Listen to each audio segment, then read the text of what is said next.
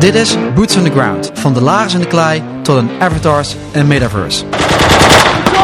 We are facing the most challenging security environment in a generation. Lid van de NAVO betekent een aanval op één is een aanval op alle. Aan de ene kant hebben we artificial intelligence, robots, nanotechnologie. En aan de andere kant hebben we gewoon de mens. Hè, met alleen een wapen, een radio en misschien wel die boots in the ground. Zo'n box waar je dan in zit noemen wij de A dictator will never erase a people's love for liberty. Hier op het kasteel van Breda, de bakermat van onze Nederlandse militaire traditie. Die bestaat uit slim en vernuftig inzetten van middelen en eenheden. Mijn naam is Gijs Tuinman, drager van de Bronzen Leeuw en ridder in de militaire Willemsorde. Dit is Boots on the Ground.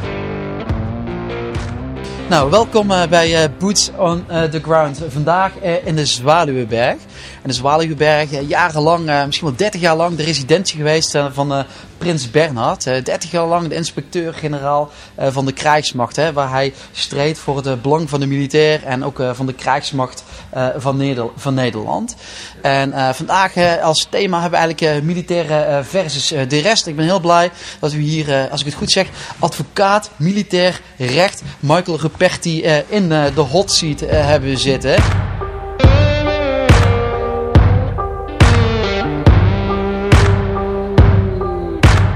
Nou Michael, uh, uh, welkom. Dankjewel. En uh, ja, korte introductie. jij bent zelf ook militair geweest. Klopt. Van 99 tot 2007, tot en met 2007, was ja. ik militair jurist. Ja. Ik heb eerst rechten gestudeerd, daarna naar de KMA, specialistopleiding. met Roy de Ruiter trouwens, die zat in hetzelfde clubje. Hetzelfde schuitje? Ja, ja, ja. En uh, dus zo lang ken ik Roy inmiddels ook al. Um, nou, toen ben ik als militair jurist uh, geplaatst bij het OM in Arnhem. Uh, militair strafzaken doend. Um, de tijd van Erik O. Zeg ja. misschien wel wat. Toen zat ik ook daar. Uh, dat was wel spannend. Want dat was echt versus, de Defensie versus het OM. En ik zat er gewoon tussen. daarna ben ik op uitzending gegaan naar Bosnië. En daarna nog wat leuke dingen gedaan. En, en nou, ben ik advocaat geworden. Ja. Hey, je doet ook allemaal uh, mooie en uh, ik denk ook belangrijke spraakmakende zaken.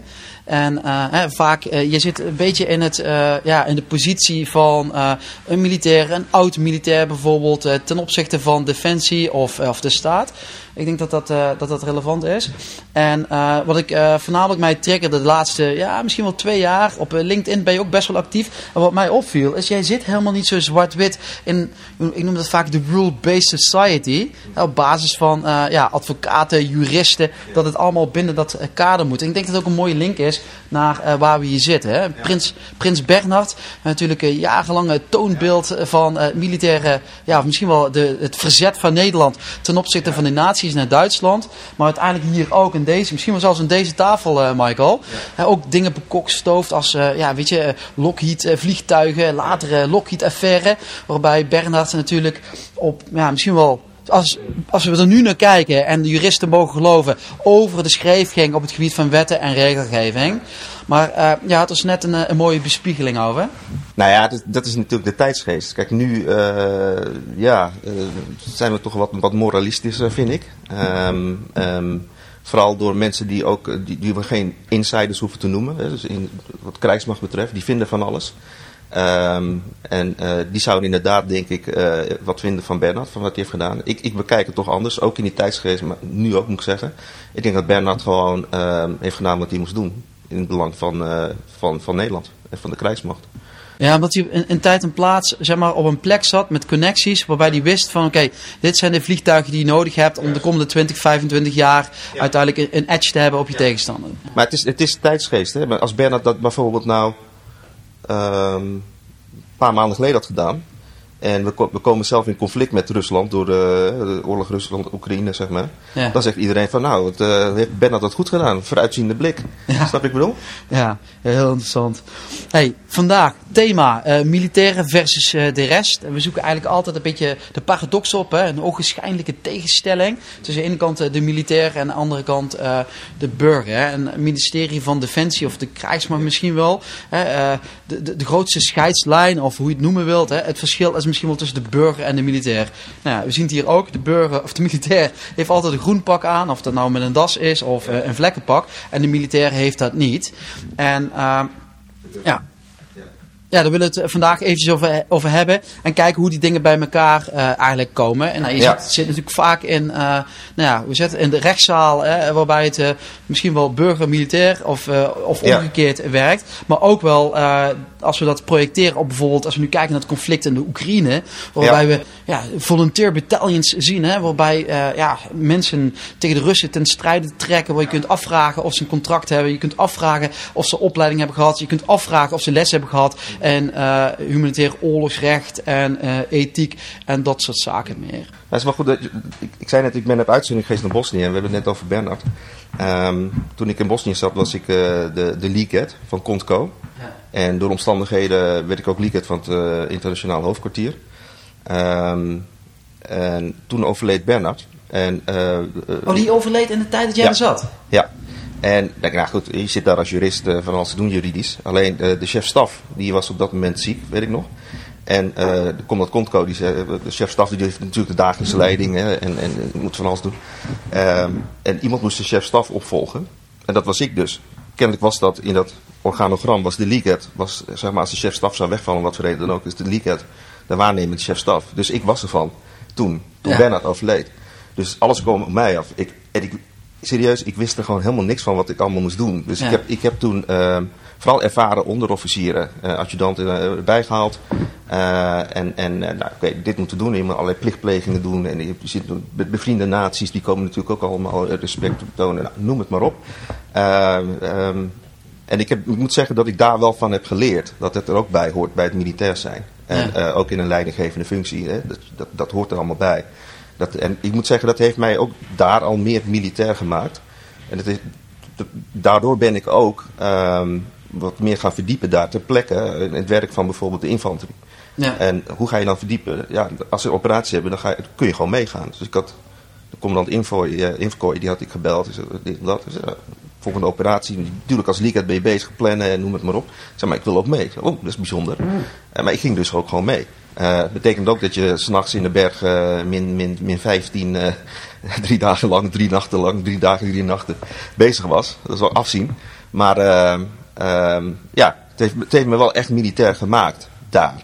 En dat neem ik ook, heb ik ook gewoon meegenomen de rest van mijn leven tot en met nu. Dus ook in mijn werk als, als advocaat, vaderschap, met, hoe je met je vrienden omgaat, hoe je naar politiek kijkt, hoe je naar de, de geschiedenis kijkt.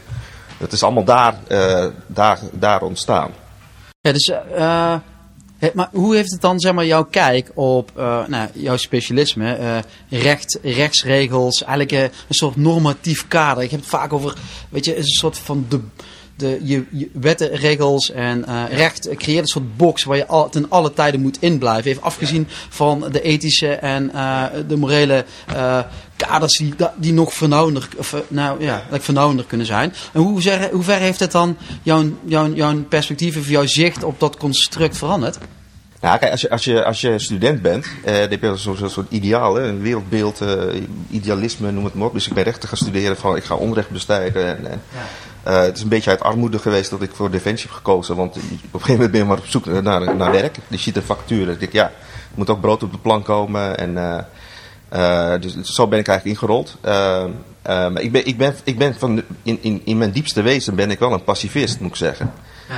Ik ben echt tegen oorlog. Ik ben gewoon voor vrede. Ik, ben, ik vind het verschrikkelijk allemaal. Maar uh, dan moet ik zeggen dat in Bosnië was het niet oorlog zoals we het kennen. Maar af en toe hadden we ook al spannende dingen. Had ook te maken met mandaat die veranderde. En, ehm, en vooral als je met de Britten optrekt. Ja, die, die willen nog wel eens wat doen. Uh, dus in, in een naweeën van, van wat we allemaal wel kennen natuurlijk. Van, van Srebrenica en dergelijke. Ja. Um, maar... Um, je, je wordt, door die ervaring word je ook realist. Hè? Dus van pacifist word je realist in feite.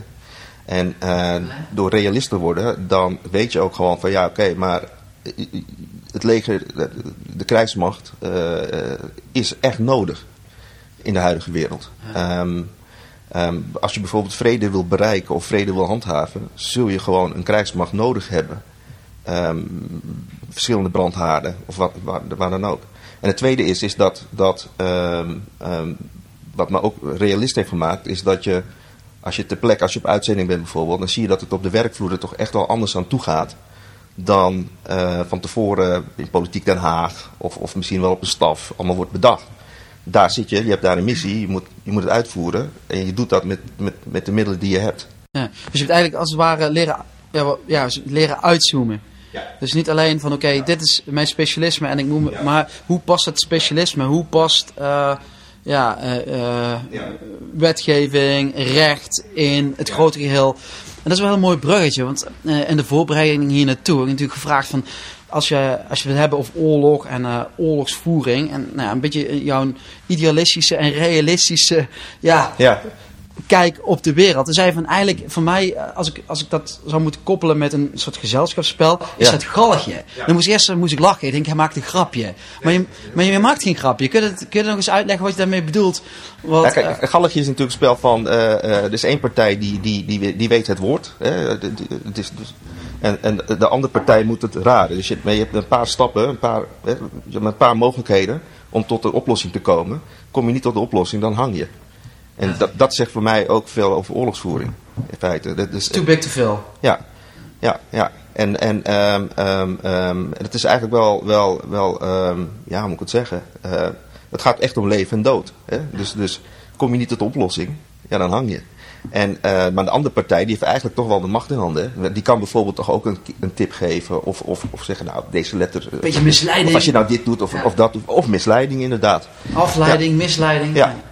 Dus, dus, dus vandaar dat ik eigenlijk meteen eh, kwam op Galgje. Ja, het past ook wel bij dat je zegt van dat inzoomen en uitzoomen. Dat vind ik wel, vind ik wel eh, heel interessant. Ja. Maar als we nu kijken naar eh militaire versus de rest. En ehm, nou, ik heb ook een paar jaar gewerkt in Den Haag op het ministerie. Dat is eigenlijk, het ministerie wordt min of meer... het toonbeeld zijn eh, nou, de, de pakken en eh, de maatpakken met stropdas en de mantelpakjes.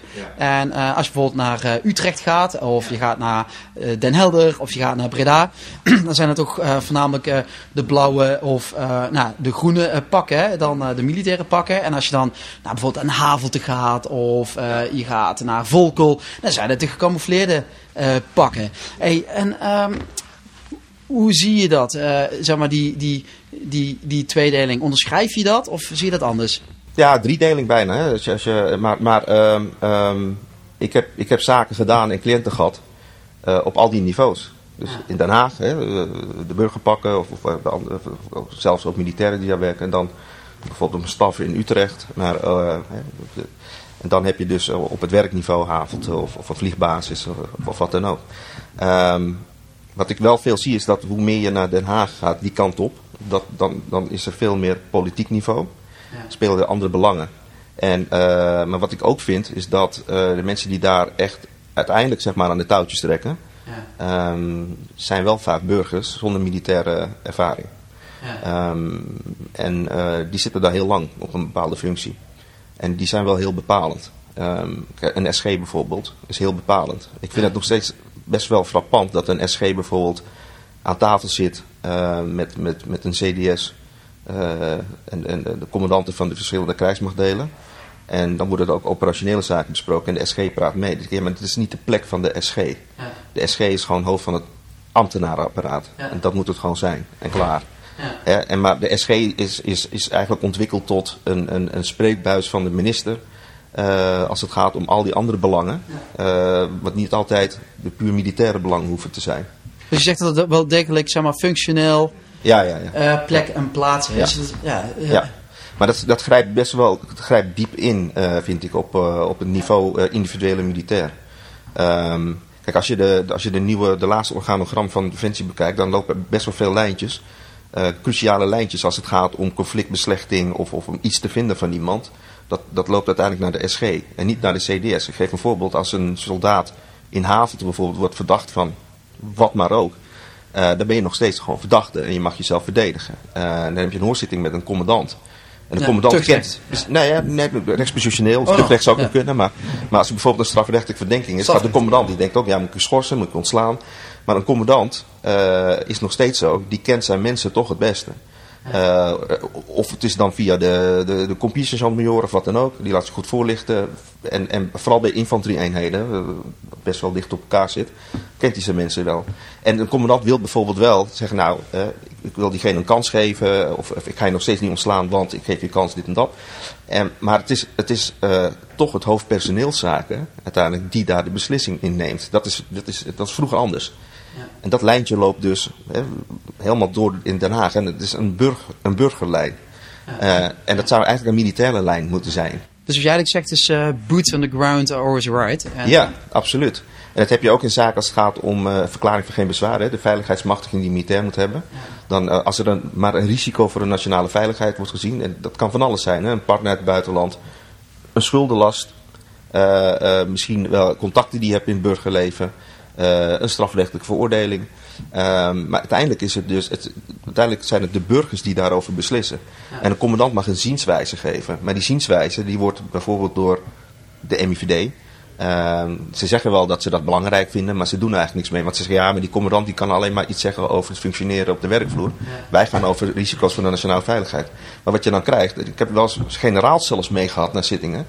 En generaals die bijvoorbeeld in Afghanistan echt, nou, echt van alles hebben gedaan. En, en, en, eh, ehm, en die zeggen dan ook iets over het inschatten van eh, risico's voor de nationale veiligheid. Of de waarborgen die die, die, persoon eh, wel of niet heeft. En dan wordt dat door de burgers weggewoven als van ja, maar dan gaat de generaal niet over. Ja, dat, dat gaat er bij mij dus niet in. Ja, dat is heel interessant hè. En eh, dat is ook eh, wat uh, nou, in, in, de voorbereiding hierop natuurlijk over hebben gehad. Zeg van, ja, ik zie het ook vaak bij jou terug, maar je ziet dat, dat, dat thema steeds meer terugkomen ook in, in de media. Is dat we een krijgsmacht hebben. Zeker als je naar de Oekraïne nu kijkt. Weet je, als je bijvoorbeeld tegen de Russen succesvol zijn, je, je wil winnen, gaat het over het in tijd en plaats effectief toepassen van geweld. En in sommige gevallen wel zou het bijna kunnen definiëren als een bepaalde mate van extreem geweld. Ja. In, in, plaats en tijd. Hè? En is het dan niet zo dat uh, we een krijgsmacht hebben waarbij we mensen inzetten in een situatie waar eigenlijk uh, ja, wet, recht, uh, regel en dat soort zaken dusdanig diffuus zijn, waarbij we ze inzetten als uh, het ultieme uh, machtsmiddel wat we uiteindelijk als, uh, als staat neer kunnen leggen. En, maar dat we wel verwachten dat het de braafste schooljongetjes zijn als we het gekomen in Nederland. Ja, en dat, dat, dat, dat is natuurlijk in mijn praktijk zie ik dat heel veel. Want ehm, ik kan zeggen, als, ik heb natuurlijk strafzaken gedaan en nog steeds. Um, en dat zijn militairen bijvoorbeeld, als je, maar als je ziet wat ze, wat ze in missiegebieden hebben gedaan, uitstekende militairen. Ja. Uh, een aantal die zijn ook echt wel onderscheiden met uh, verschillende medailles natuurlijk. Ja. Um, um, maar inderdaad, de samenleving verwacht dat, dat het koorkanaapjes zijn bijna. Um, he, voor, tijdens en na. Maar, maar wat je wel ziet is in, in de, ja, de realiteit, de realiteit van, van, van oorlog voeren bijvoorbeeld. Afghanistan is verkocht als een opbouwmissie en noem het maar op. Maar het was natuurlijk gewoon oorlog daar, laten we wel zijn. Ja, dat, dat, dat, dat, dan, dan doe je daar gewoon wat nodig is. En dan um, um, um, de militairen daar, die hebben niks te maken met politiek of, of, of, of uh, ja, hoe de media over ze denkt. Dan, dan, dan is het gewoon de militair en zijn maten. Ja, want je vecht, je vecht, je vecht voor uh, de veiligheid van uh, ja. de buddy naast je. Precies. En als, als dat, als dat Juist. bijdraagt aan het nationaal belang of de veiligheid van Afghanistan, is dat mooi meegenomen. Juist, ja. En, en ik heb dus zaken gehad dat, dat uh, iemand bijvoorbeeld uh, net voor zijn uitzending uh, betrokken was bij een, nou, bij een voetbalwedstrijd, een, van de gevechten. Of tenminste, een, een, een, weet je, dan, dan komen groepen tegenover elkaar en dan wordt er wat heen en weer geslagen. Ja, en dan, gaat hij op uitzending en dan doet hij echt allerlei ja, dingen en, en levens redden zelfs. Dan komt terug en dan heb je een strafzaak, veroordeeld, werkstraf van 60 uur. Ja, en dan wordt de, de veiligheidsverklaring ingetrokken. Hè? Dus, dus dat je als militair uh, niet uh, veilig kan functioneren, een risico bent voor de nationale veiligheid. Terwijl waar, waar het echt om gaat, in het echi, dan heeft iemand zich bewezen dat hij gewoon echt tot in zijn wezen militair kan zijn en zijn opdrachten kan uitvoeren en, en soms wel verder kan gaan. Inderdaad, zoals jij ook bijvoorbeeld zegt, uh, op dat moment ben je met je buddies. En uh, je komt hieruit of niet. En dan gebruik je alle middelen die je, die je tot, tot je beschikking uh, staan. En dat is wel maf, hè? Dat als, weet je, om, dat, wat wij eigenlijk doen zijn, is de, die polarisatie tussen burger en militair eigenlijk aan het verkennen. Hè? Ja. En als je kijken nu, zeg maar, hè, dat uh, is belangrijk om voor mensen en medewerkers überhaupt, hè, of ook voor vriendenclub, voor voetbalvereniging, om een veilige, een prettige en veilige werk-leef speelomgeving te creëren. Maar als we, ik heb ook persoonlijke ervaring, als we als militairen worden uitgezonden, dan worden je per definitie naar een gebied uitgezonden waar die veilige, veilige en prettige uh, werkomgeving eigenlijk per definitie niet aanwezig is. Dus je moet je voor een deel zelf creëren, maar niet alle per definitie zijn die randvoorwaarden niet aanwezig. En het maffe is, is dat als je gaat kijken naar bijvoorbeeld, eh, nou, die uh, militair heeft ook een, eh, even speciale status hè, als eh, bijzondere ambtenaar. En daar zitten nog eh, wat eh, onzekerheidstoelagen en, en voorwaarden en dat soort zaken aan vast. En die geldt, en sterker nog, kijk, als ik zeg van. Nou, als mijn, zo werkt het, hè, als mijn arbeidsplaats eh, morgen wordt aangewezen van eh, je gaat eh, naar Mariupol om daar de Oekraïners te, te ondersteunen, dan kan ik niet zeggen, ja, dan kom ik bij jou terecht, dan kan ik niet ze- zeggen, dat lijkt me geen goed plan, want ik geloof er niet in, ik ga niet, dan ga ik. En de burgermedewerker, die, de militair heeft een eenzijdige aanstelling, dus in principe kan ik niet morgen zeggen, ik neem ontslag. Ik moet een, een voorstel doen voor ontslag en ja, een, een burgermedewerker heeft een andere aanstelling, die hoeft niet, die mag. Ja, die, die mag. En de tweede is, die kan in principe zijn contract opzeggen. Dat heeft nog wel wat dienverplichtende zaken meer. Dus die, we zien daar wel eh, die, eh, die polarisatie. Maar ik wil ook even naar de andere kant toe. Hè? Want ook als je nu kijkt naar bijvoorbeeld, eh, bijvoorbeeld ook als je naar de Oekraïne kijkt, dat hebben we gehad, hè? Die, die volunteer battalions. Hè, waarbij je de vraag kunt, vraag kunt stellen of, die, of dat eigenlijk allemaal voldoet aan alle randvoorwaarden om binnen dat die box van eh, rechtmatig, ethisch, moreel en misschien wel sociaal juist te kunnen handelen. Maar dan ook even daarna de, de referentie te trekken of de vergelijk te trekken naar bijvoorbeeld Nederland. Waarbij we meer en meer gaan doen met reservisten. En sommige reservisten, ik ben er hartstikke blij mee met specialisten. Maar ook cyber, eh, informatie, eh, economisch en dat soort dingen meer. Entrepreneurs. En die krijgen een tweeweekse cursus. En dan, dan mag je met een pistool een dag schieten. Dan krijg je een dag eh eh, humanitair oorlogsrecht. En die sturen we ook uiteindelijk de poort uit. Hoe, hoe kijk jij dat aan? Zie je die vervaging ook? Eh, ja, want eh, ehm, ehm, als we het even over Oekraïne hebben, de, volunteers bijvoorbeeld. Ik heb me daarover verbaasd, eh, de discussie. Bijna, in de media werden bijna die mensen als helden neergezet. Hè, van, die durven daar naartoe te gaan. Ehm, de minister die zegt dan in de Kamer van ja, ik kan er weinig tegen doen. Hè. Kijk, een militair zelf, als die naar een vreemde mogendheid gaat, hè, dat is allemaal strafrechtelijk. Strafbaar, ja. ja, precies. kan hier weinig tegen doen. Maar ik vind dat de minister van Defensie bijvoorbeeld ook wel eh, de, de verantwoordelijkheid heeft om te wijzen op de risico's. Eh, Niet gedaan. Eh, dus die mensen die worden dan gesterkt. Ik heb me daar tegen uitgesproken. Ik heb ook aangegeven, zien, ook in ja. juridische zin, hè, waarom het allemaal niet goed is. Eh, ehm, overigens zijn het best wel veel veteranen die met een, ja, een rugzakje hebben van PTSS-klachten. Ehm, ik vind dat we daar nog steeds een zorgplicht voor hebben om, om ze te beschermen. En, en, ehm, ehm, Hans van Griens, de vorige IGK, heeft dat ook gedaan. Ja, ik heb daar een sterke mening over, die moet je gewoon niet willen. Maar als het gaat om, om reservisten of, of dit soort mensen naar oorlogsgebieden sturen. Je moet wel een bepaalde mate van, van training, opleiding hebben, begeleiding van ervaren collega's. Wil je daar goed kunnen functioneren. Anders is het levensgevaarlijk. Zo simpel is het gewoon.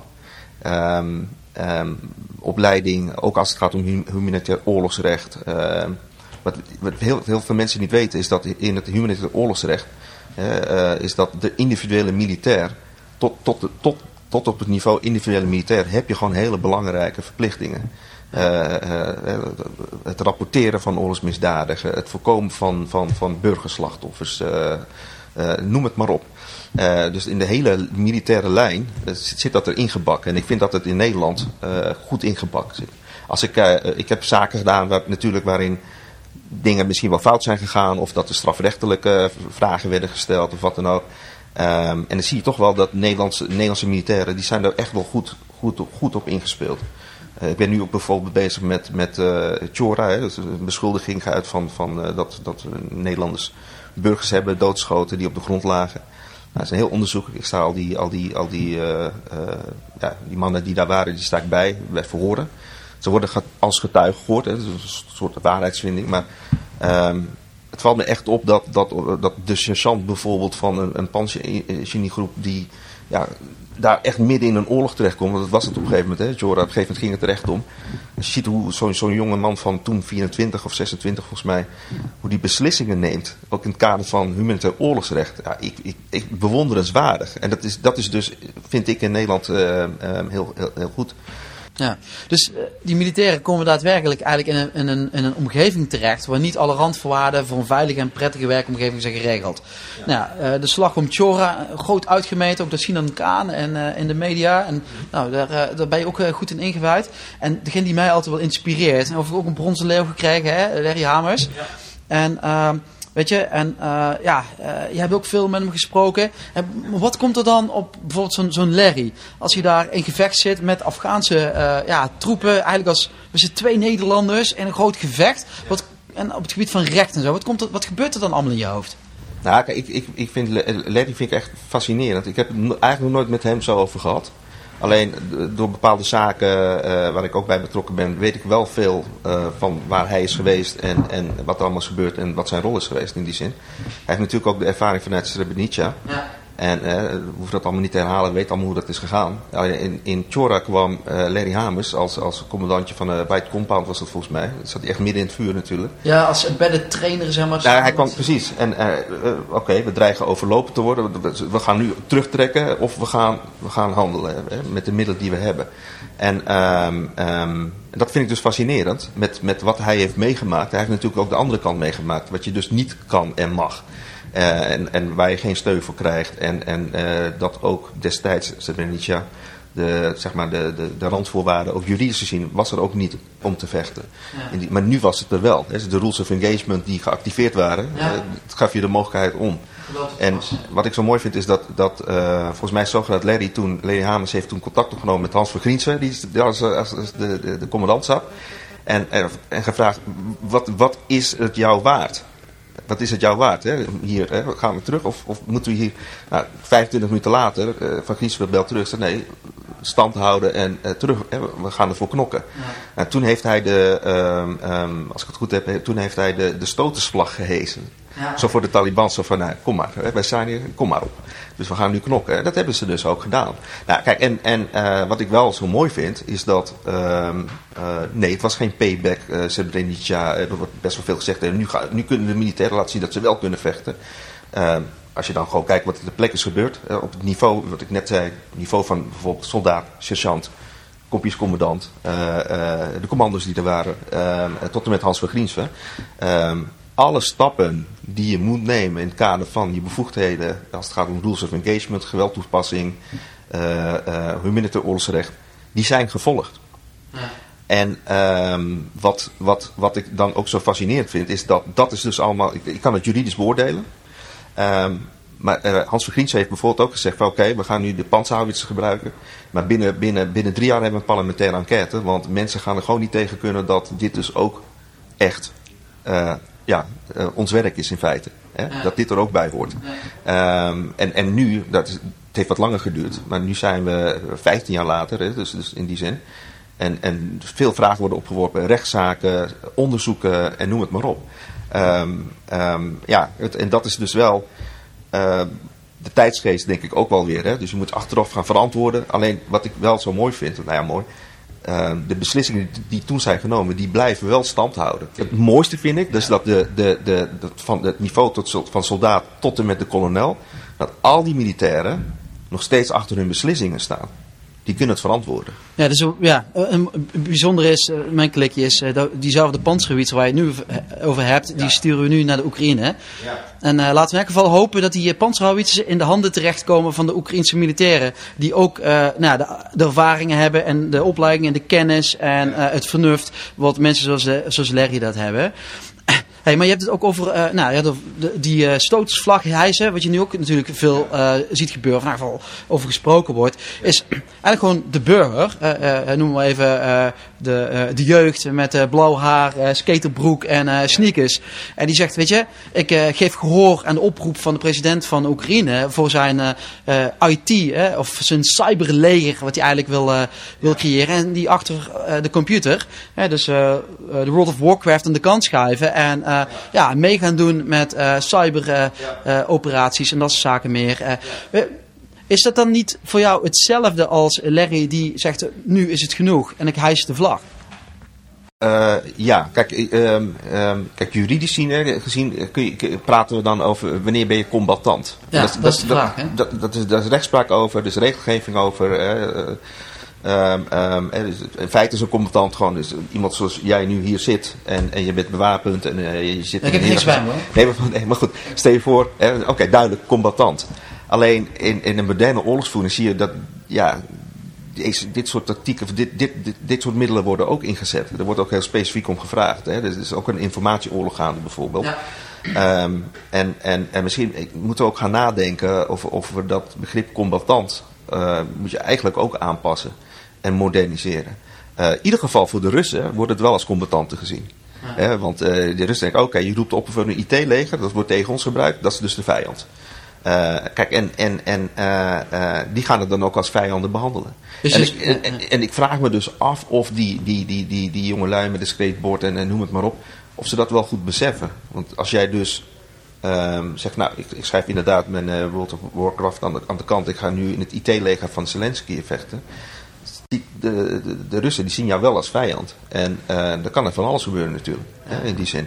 Uh, misschien maak je wel eens een keer een reis naar een land waar Rusland heel erg mee, bevriend is over een paar jaar. En zeggen, ah, eh, voor ons weer een oorlogsmisdadiger. En dan word je opgepakt. Dan zit je straks in Rusland vast. Ja, het is een beetje hetzelfde als de Amerikanen. Hè. De Amerikanen zeggen, wij vergeten niet. En dat uh, heeft uh, Osama Bin Laden uh, uiteindelijk aan zijn laatste, laatste eind geholpen. Ja.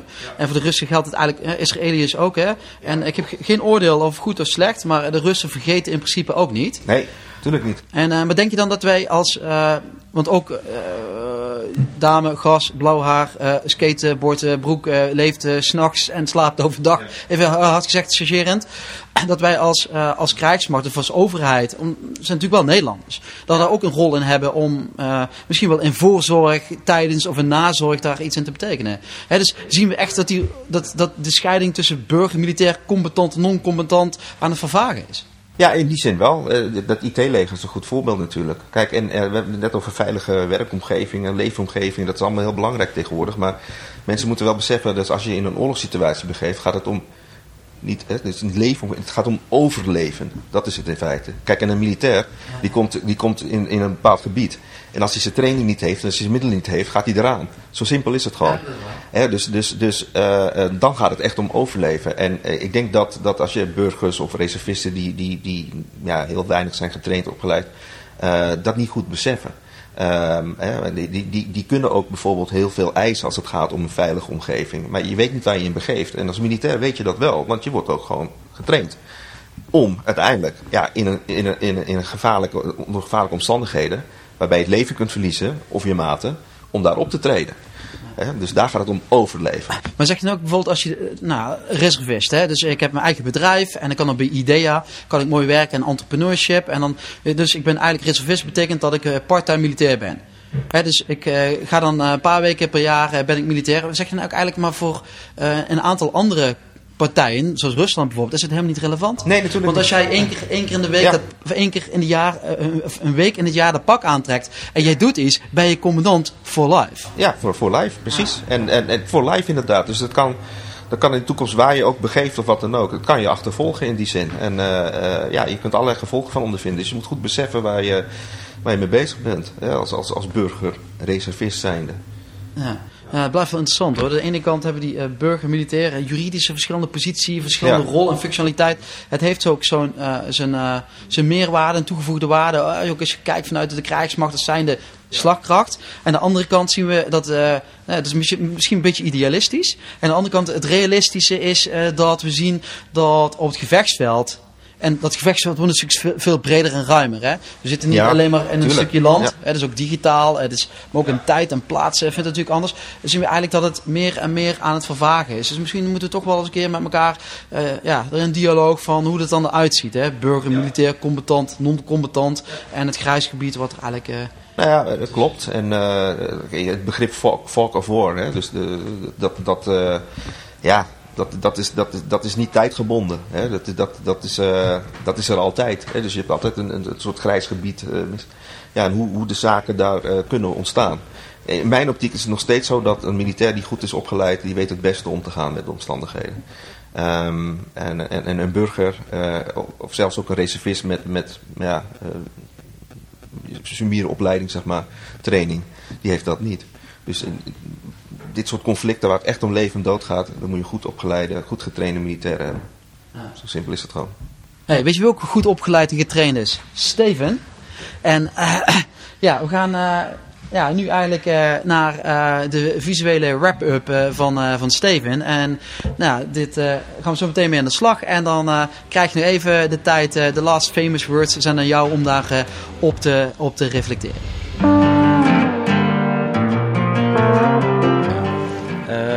Ja, Michael, dankjewel voor je duidelijke uiteenzetting. En uh, Gijs voor het goede interview wat je hield. een paar leuke plaatjes ehm, die ik heb getekend. Waarbij Michael zegt ehm, hey, ik ben van pacifist uh, realist geworden. En ik heb gezien dat de krijgsmacht uh, eigenlijk echt wel nodig is. En vervolgens weeft die politiek Den Haag uh, de situatie op de kazerne aan elkaar. Maar ook bijvoorbeeld de beslissingen die in een staf of bij een commandant gemaakt worden. En dan ziet hij eigenlijk het onderscheid dat er een burgerlijk oordeel ingrijpt op een militaire context. En daar zit eigenlijk een crux in die vandaag besproken is en eigenlijk wel heel interessant is. Um, trek je dat uh, fast forward door naar een, uh, een militair uh, die in een humanitair oorlogsrecht opereert. En je zet daar tegenover een soort vrijgevochten ehm, volunteer-battalion. Ja, dan heb je ineens twee, ehm, twee waardes in het oorlogsrecht staan of in de krijgsmacht staan. En dat levert conflict op. En de grap is dat die burger zegt, hey, die volunteer, dat vind ik een ontzettende held. Um, maar in de ogen van uh, militair oorlogsrecht uh, zou je eigenlijk ook wel kunnen zeggen van nee, daar loopt gewoon een extremist rond. En zijn, zijn moreel of zijn daden en zijn kompas is heel slecht uh, meetbaar. los voor waar hij voor staat. We moeten het oordeelloos proberen te benaderen. dus dat is wat ik heb opgetekend. En ja, dank voor dit mooie gesprek. Bedankt. Ja, Michael? Ja, nou ja, ja inderdaad, goed weergegeven. Um, als ik daarop kan reageren. Ik, ik, denk, ik denk dat ik um, nog steeds pacifist ben en realist tegelijk. Uh, dat kan wel naast elkaar bestaan. Dus ik, ik, ben echt wel een pacifist. Maar ik, ik vind ook de krijgsmacht nodig. Um, um, dus, dus ja, wat dat betreft uh, kleurt het wel het plaatje in die zin ook in. Uh, maar goed, helaas, uh, realist zijn is, is gewoon waar je mee moet leven. En uh, de wereld is niet perfect. Uh, dat gaan we ook nooit bereiken, denk ik. Want het is denk ik in de aard van, van mens om conflicten te hebben en, en geweld te gebruiken. Uh, zo realistisch ben ik ook. Maar ik denk dat het wel goed is om um, um, vrede na te streven. Hè? Dat je nooit meer oorlog hebt, nooit meer geweld gebruikt. Mensenrechten respecteren. ja, noem het maar op. Dus. Nou, ja, Mooi Michael, hier uh, bij uh, Boots uh, Underground in de Zwaluwenberg. misschien wel aan hetzelfde tafeltje gezeten als Bernard. En eigenlijk nou, met elkaar in gesprek over zaken die ja, eigenlijk op de scheidslijn en soms wel een beetje erover zijn van wat recht is. En, of aan de goede kant of de verkeerde kant zitten. We hebben het ook gehad over burgers en militairen, combatant en non-combatant.